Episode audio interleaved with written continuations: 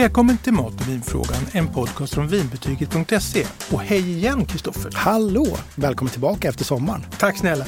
Du, vad handlar det om idag? Idag ska vi prata om kräftor. Mm -hmm. För jag har faktiskt en lyssnarfråga här som handlar om det, eller om vin till kräftor framför allt. Ja. Och Kristina skriver så här. Augusti och äntligen dags för kräftor. Vad dricker vi lämpligast till fina kräftor med västerbottenpaj med kantareller och goda ostar som tillbehör? Kanske vi också kör en kronärtskocka med brynt smör till någon slags förrätt. Går det att hitta vin som passar till alltihop? Tack på förhand, Kristina Sjödin.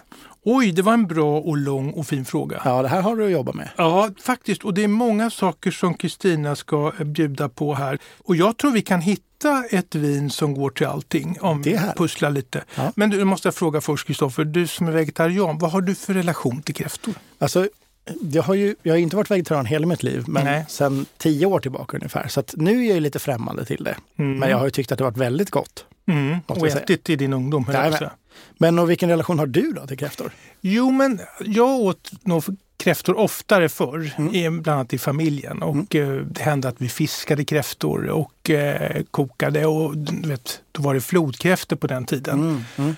Och sen började hela det här med diskussionen om att kräftor försvann och signalkräftor implanterades och då så tog de till slut nästan koll på flodkräftan. Just det. Och så där, det var alltid diskussioner om priser och vad som var bäst och det var, fanns långa reportage om det. Det var en mm. stor ståhej om kräftor och så var kräftpremiären mycket mera hårdsatt än vad den är idag. Idag får mm. man äta kräftor året om. Det gjorde man inte förr utan Nej. då var det en kort period. Så jag, jag tycker om kräftor men jag är inte så att jag eh, går och längtar efter det hela året och så okay. äntligen. Men jag blir jätteglad om jag får äta kräftor. Ja men det är ändå härligt. Ja. Men är det liksom, det är väl ganska få länder som gör det här? Är det bara vi i Sverige? Jo, alltså att äta kräftor som vi gör de är kalla och så är de kokta i dill med mycket dillsmak. Det gör man i Finland, mm. i viss mån i Norge. Så att det, är, det är regionalt kan man säga i, i norr. Mm. Ehm, och förr var kräftor liksom en kunglig märkvärdig mat. Mm. Alltså svenska kungar för eh, kunde ha eh, vallgravar med kräftor i. Och, och sen så kom kräftorna då till adeln och sen så spred det sig för det skulle man äta och så vidare. Mm. Eh, men eh, om vi ser då som din fråga kring länder mm. så visst kan du få kräftor i Frankrike och England men då kanske det är en kräftsoppa eller någonting. Man ja, äter dem inte så här, man varma kräftor på ett annat sätt och tillagat. Mm. Så det är väldigt knasigt och svenskt kan man säga. Är inte också typ dill en ganska så skandinavisk krydda?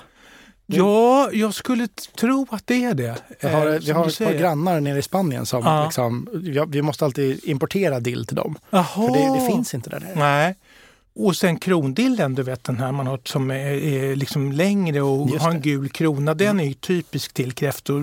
Både ja. när man kokar dem i lagen då, där man har i öl och porter ska det vara och sockerbitar och, ja, och ja. alla sina märkvärdiga recept. Men där är mycket dill. okay, och, och sen så pyntar man liksom kräftfat och med kronor mm. brukar man göra mm. för att det ska se lite ja, aptitligt och gott. Lite mer grönsaker helt enkelt. Ja, lite vegetariskt. Men varför gillar man kräftor så mycket i Sverige?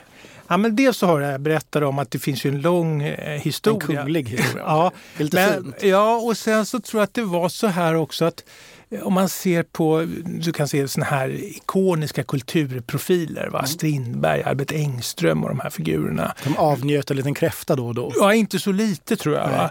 Och eh, det var ju till och med så att vet, man skulle införa motbok i Sverige. När Sverige höll på att supa sönder sig, mm. alltså runt 1800-1900-talsskiftet där. Mm. Man brände i varenda buske, stod en hembränningsapparat och det var ingen ordning på Och det var alltid kräftor till? Ja, ganska ofta kanske. Ja. Då i alla fall så var man ju, införde man den här motboken som mm. innebar att du fick bara köpa väldigt begränsat. Mm. Och då var, fanns det en motrörelse mot motboken naturligtvis. Mm. Och där var den här Albert Engström som var då en, en vältalig person. Det finns en affisch som är jätteberömd där han ser supersträng ut och så mm. står det kräftor kräva dessa drycker och så är det ett snapsglas. Mm. Så att det här är, och sen om vi går till, när man äter kräftor, det är ju augusti, september, det är sommaren är kvar och ofta sitter man ute och mm. det är fest och det är, en del kör ju med hatt och månar och det finns någonting lite eh, lössläppt höll jag på att säga. Men det, det är ju ölen och snapsen, det sjungs va? och det, mm.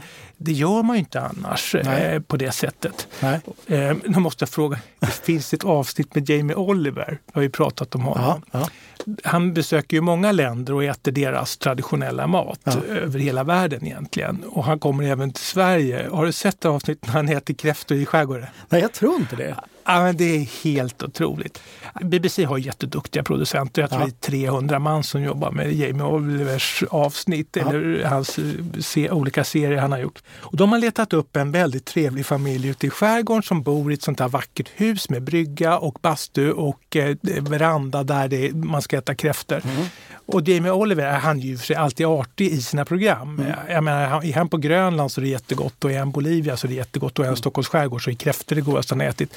Men han blir ju på dojan av nubbarna och sen så badar de bastu och då är det ett par, eh, i den här familjen så finns det några döttrar och kompisar som ja. är gudomligt söta tjejer. Mm. Och han blir ju liksom, han måste ju eh, skärpa sig så han tar han sin, eh, liksom går han fram till mikrofonen jätteberusad i nattmörkret och säger så här, visa inte det här avsnittet för min fru. Men han, han hyllar ju den svenska kräfttraditionen. Eh, kanske för att han måste ja. lite grann. Ja. Ja. Jag kan rekommendera avsnittet.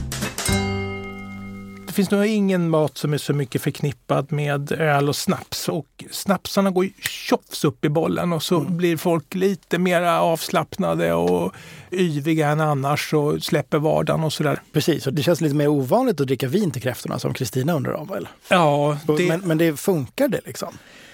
Ja, så här är det ju. Du är inne på något viktigt där. Kräftor har ju då dillsmaken men även mycket sälta. Mm. Är ju ändå liksom skaldjur och så. Och salt och rött vin, det är inte kompisar. Nej. Det går inte alls.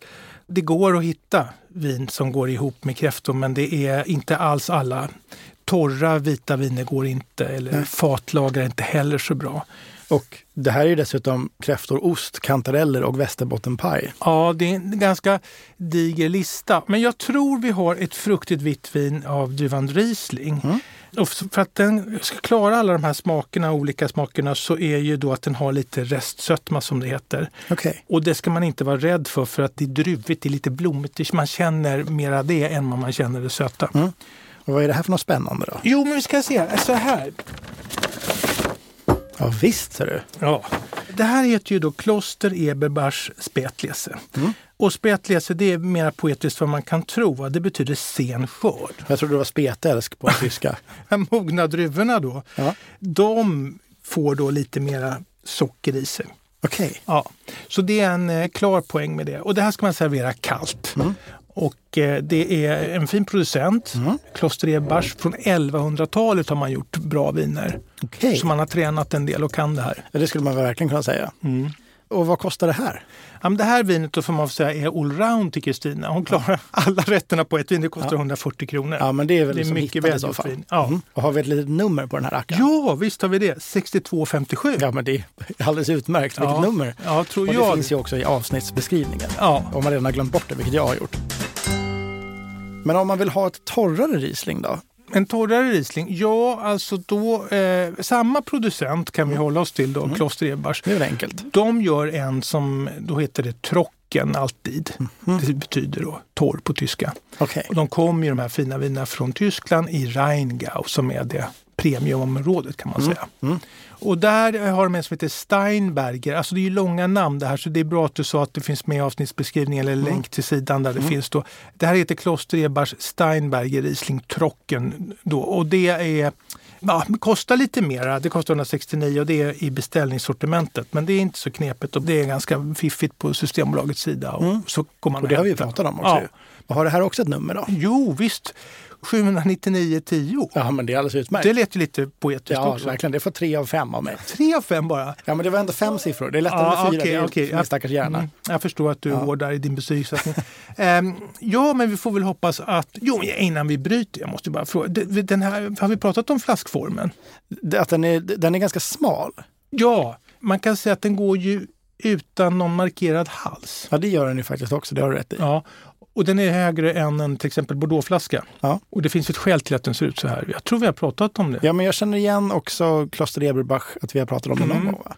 Skälet till det här är att de här vinerna fraktades på flodor. Flodor.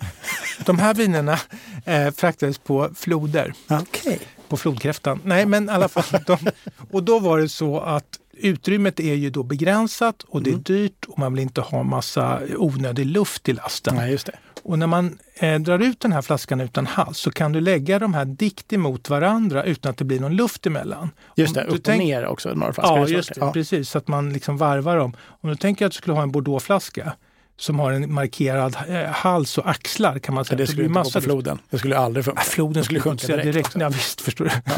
det skulle gått pipa. Ja. Nej, men då skulle inte rymmas lika många. Nej. Och så har man då behållit den här. Idag så kör de väl inte de här på floder så mycket skulle jag tänka mig. Ja, men jag tycker den ser elegant ut. Absolut. Ja, Och så vet man att det är en Riesling på håll. exakt. Ja, det lite så. Den är med lång, smal, fin form. Precis som jag. Tror jag det, Ja. Kristoffer. Men vi får väl hoppas att Kristina får en lyckad eh, kräftskiva med Ja, alla dessa verkligen. goda rätter. Ja, Mm. och bra svarat tycker jag. Och vi tackar alla som har lyssnat. Det gör vi. Ja, Så ses vi, hörs vi till och med nästa Ja. gång. ha det så bra. Ha det så bra. Hej då. Hej.